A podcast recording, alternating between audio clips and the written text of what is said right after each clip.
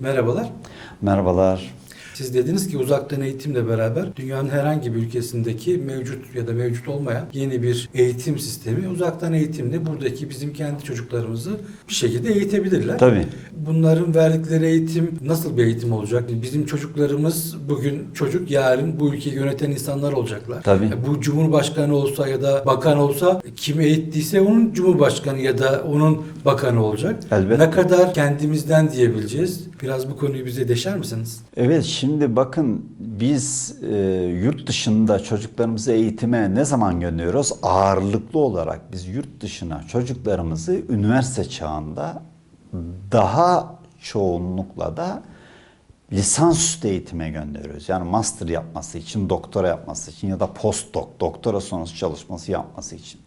Ama şimdi bu dijital dünya bize ne tür bir imkan veriyor?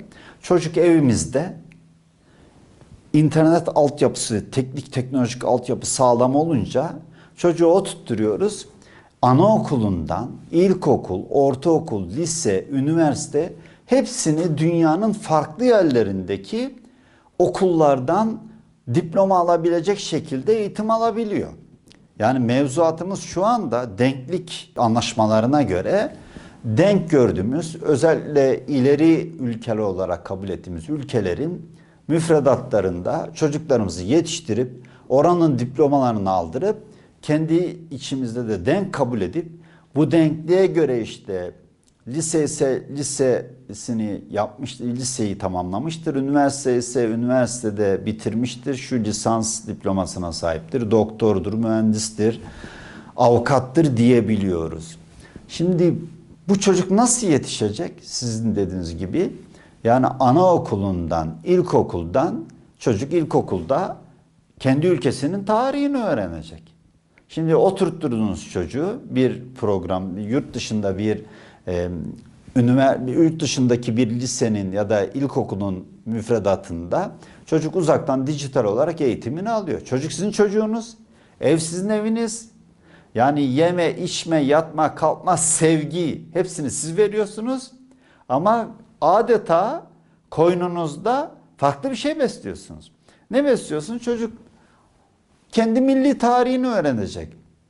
Öğrenemeyecek. Ona diyelim ki işte günümüz bağlamında konuşursak çocuk bakacak işte Türkiye Cumhuriyeti kuruluşu sırasında ne tür olaylar yaşanmıştır.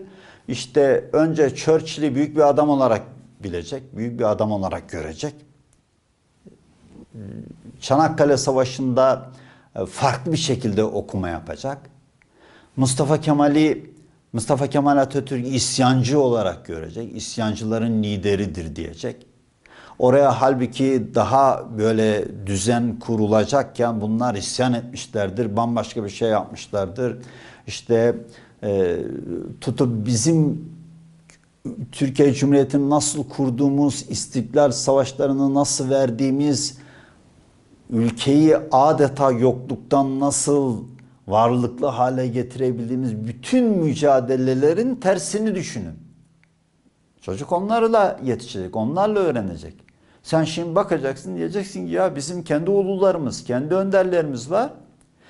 Kızmaya kalksanız adam diyecek ya kardeşim ben İngiltere'ye göre tarih veriyorum. Ben o zaman git al kendi okulunda okut çocuğunu. Al dediği şey de senin çocuğun evinde. Ama öyle bir tezgah, öyle bir program olabilir ki dijital dünyadan bahsediyoruz. Dijital dünyanın getirebileceği tehdit ve tehlikeler anlatıyoruz. Siz işte filanca okulda okuyanlar daha çabuk iş buluyor, üniversitede daha başarılı oldu diye oluyor diye bir propagandadan etkileneceksiniz.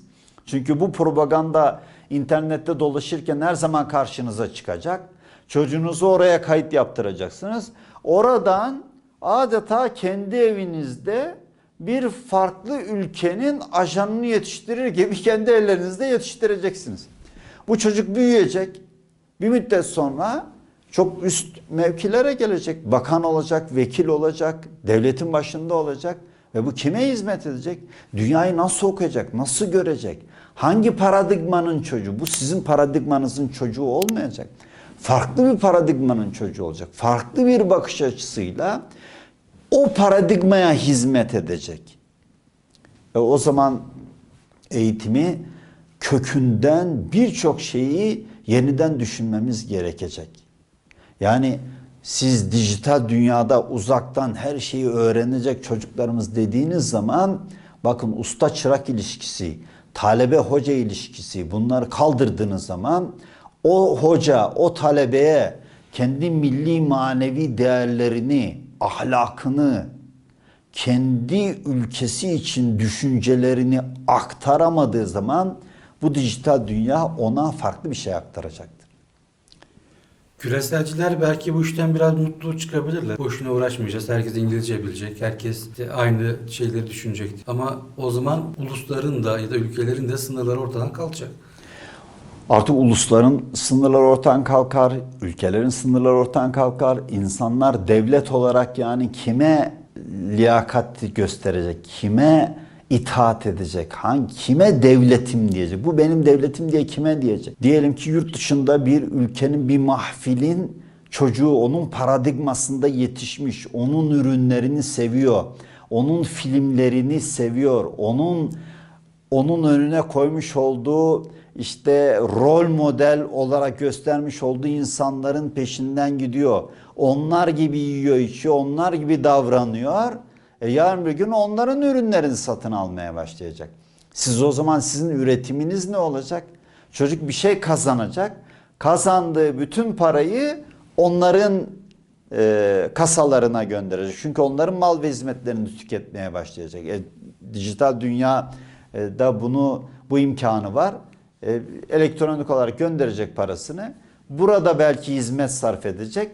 Hizmetini burada verecek. Orada tüketecek. Parayı oraya aktaracak. E siz o zaman bütün kaynaklarınız heba olmuş olacak. Sizin devasa kaynaklarınız yerine siz o ülkenin de genel geçer bir para elde edebilmek için onların şartlarında köle gibi çalışmak mecburiyetinde kalacaksınız. Hepsi gördüğünüz gibi birbirleriyle iç içe bir dijital örgü gibi yani bir dijital hapishane diyoruz buna. Böyle bir hapishanenin kölesi olarak yetişiyorsun. Bu sefer bu eğitim gönüllü hale getirmiş olacak çocuklarımızı. Vatandaş olarak bu tarz senaryolara bireysel bir çabayla karşı durmamız tabii kendi inisiyatifimizde olan bir şey ama devletin burada topyekün milletini düşünerek, kendisinin geleceğini düşünerek, ulusal çıkarlarını düşünerek bir öngörü yapıp yeniden bunlara önlemler alması gerekir. Şimdi bugünden başlayıp devletin bir kere çok ciddi mevzuat üretmesi gerekiyor. Yeni koşullara, ileride gelebilecek olan koşullara göre mevzuat, hukuk üretmesi, hak üretmesi, haklar, hukuk haklar. Mevzuat bir şeyler nasıl yapılacak bunları üretmesi gerekiyor.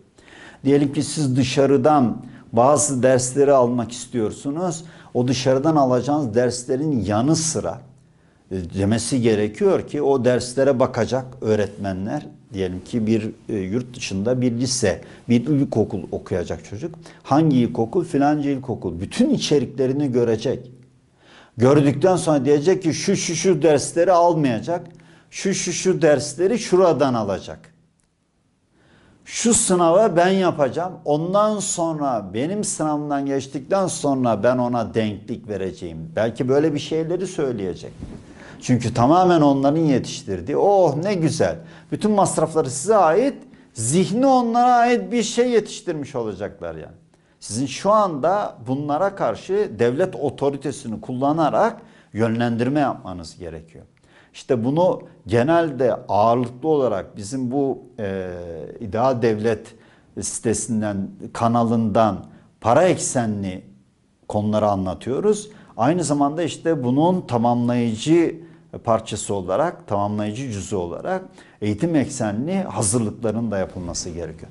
Bunun en önemlisi mevzuattır. Önce siz bir devletsiniz, bir otoritesiniz. Bu dijital dünyanın tamamı bir fişe bakar. Sen bu fişi çekebileceğini göstereceksin. Bu otoriteyi ortaya koyacaksın. Dünya yıkılsa, tamamı alayı karşınıza gelse, hayır çok yanlış yapıyorsunuz diye koro halinde size itiraz etseler bile, arkadaş benim milli manevi değerlerime aykırı olan ya da benim paradigmamla çatışan bir paradigmanın Bu topraklarda hüküm sürmesine ben müsaade etmem diyeceksiniz. Bu iradeyi gösterecek yapıda insanlar yetiştirmeniz lazım. Devlet adamlarını da ona göre yetiştireceksiniz. Bir insanın filanca diploması var. E filanca bakanı da tanıyor. E ne yapalım işte arada hop, hemen bir iki şeyle bir iki ilişki zinciriyle hop adam en üst düzey makam mevkiye geldi. Böyle olmaz. Devlette de hangi makama hangi liyakatlarla e, hangi nişanlarla gelebileceğini şimdiden çalışacaksınız. Yani Osmanlı'da bir endurance sistemi vardı. E, Türkiye Cumhuriyeti'nde de yeni bir sistem. Bakın bu yeni bir dünyaya doğru bir dönüşüm var. Sizde devlet adamı kime denir? Hangi kademede, en üste nasıl çıkılır? Bunların hepsini yeniden yapılandıracaksınız. Yani fikir olarak, mevzuat olarak hazırlıklı olacaksınız ki bu şuna benzer. Yani bir tarlanız var. Kanalları, su kanallarını açacaksınız. Gelecek olan su har diye bir anda ne var ne yok hepsini önüne katıp süpürüp sizi cız, cas cavlak ortada bırakabilir. Ya da o suyu o şekilde bir müddet tutar. istediğiniz şekilde tarlayı sularsanız o sizin için çok güzel bir avantaja dönebilir. Ama ipleri hiçbir zaman elinizden bırakmamanız gerekir. Devletin ipleri elinde tutması demek kendi hukukunu, kendi mevzuatını kendi paradigmasına göre üretmesi demektir. Çocuklarımız işte diploma güdümlü eğitimle işte diploması var mı? İlkokul diploması var. Lise var mı? Var. Üniversite var, var mı? Var. E gel buraya otur o zaman. Değil. Bu liyakat zincirini kurması gerekir. Şimdi tedarik zinciri diyoruz ya. E siz oturacaksınız. Liyakat zinciri bir mevzuat zinciri oluşturacaksınız. Yani bunun hazırlığı budur bence. Hocam çok teşekkür ederiz. Serimizin başka bir bölümünde görüşmek üzere. Ben teşekkür ederim.